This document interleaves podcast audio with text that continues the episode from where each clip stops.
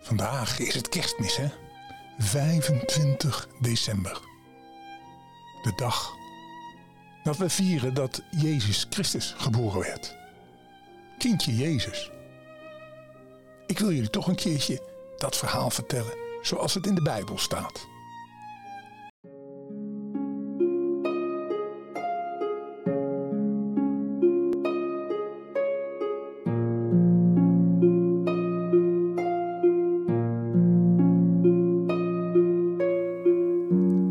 Zesde maand zond God de engel Gabriel naar de stad Nazareth in Galilea. Dat is waar Jezus geboren werd. Er was een meisje die woonde met Jozef, een afstammeling van David. Dat meisje heette Maria. Dat werd de moeder van kindje Jezus. De engel ging naar binnen en zei: Gegroet Maria, je bent begenadigd. Je hebt het getroffen, want God is met je. De Heer is met je. Maria schrok hevig van die woorden en vroeg zich af wat dat te betekenen had. Maar de engel zei tegen haar: Wees niet bang, Maria. God heeft je een gunst geschonken. Je zult zwanger worden en een zoon baren en je moet hem Jezus noemen. Hij zal een groot man worden en zoon van God worden genoemd. God de Heer zal hem de troon van zijn vader David geven. Tot een eeuwigheid zal hij over het, gol, het volk van Jacob uh, regeren. En aan zijn koningschap zal geen einde komen. Maria vroeg zich af, maar hoe gaat dat dan gebeuren? Ik uh, ben immers met Jozef en ik heb nog nooit met een man gevreden. Maar de engel antwoordde, ja, maar dat gaat anders. De Heilige Geest zal over je komen en de kracht van de Allerhoogste zal je schaduw bedekken. En dan wordt er een kind geboren. We geloven dan toch dat het niet zozeer ging om hoe dat kind nou verwekt werd of geboren werd, maar meer een manier waarop God eigenlijk Jezus als zijn zoon beschouwde. Was in de tijd dat de Joden door de Romeinen onderdrukt werden. Keizer Augustus, die was van de Romeinen, die, uh, die voegde een wet uit dat iedereen zich ergens moest gaan inschrijven. Er moest een soort van volkstelling komen en dan moest iedereen naar de plek gaan waar hij eerder geboren was. En Jozef, de vriend van Maria, ging van de stad Nazareth in Galilea naar Judea, naar de stad van David. Want daar kwam hij vandaan. Die heette Bethlehem.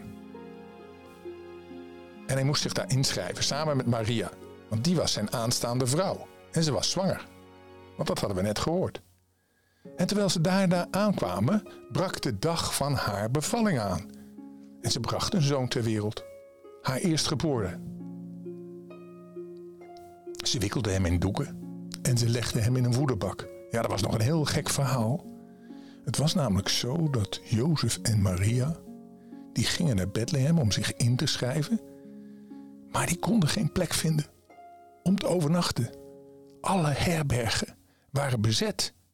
Maar ja, Maria zou een kindje krijgen, dus die moest wel ergens warm zijn. Want als het kindje geboren zou worden, ja, dan zou het kou vatten. En dan zou Maria ziek worden. En misschien werd het kindje dan wel, ging het dood. Maar ze konden niet in de herberg terecht. En toen was er een stal. En in die stal, daar mochten ze zijn. In die stal was een voederbak. Daar lag hooi en stro in. En er was een os en een ezel.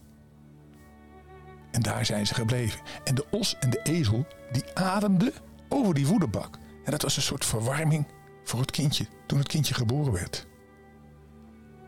En niet ver van die stal waren er herders in de nacht op dat veld.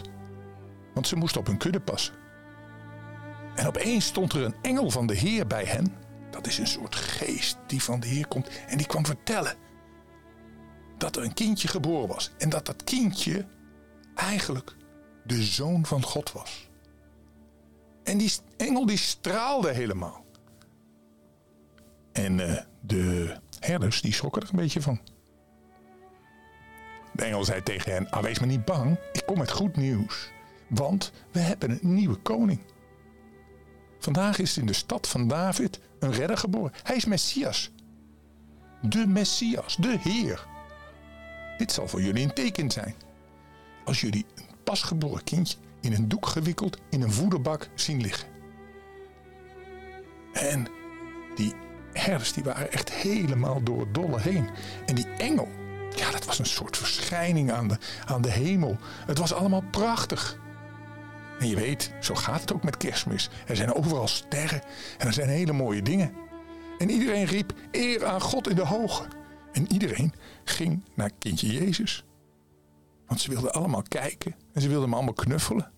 En hem vereren, want hij was de nieuwe God op aarde.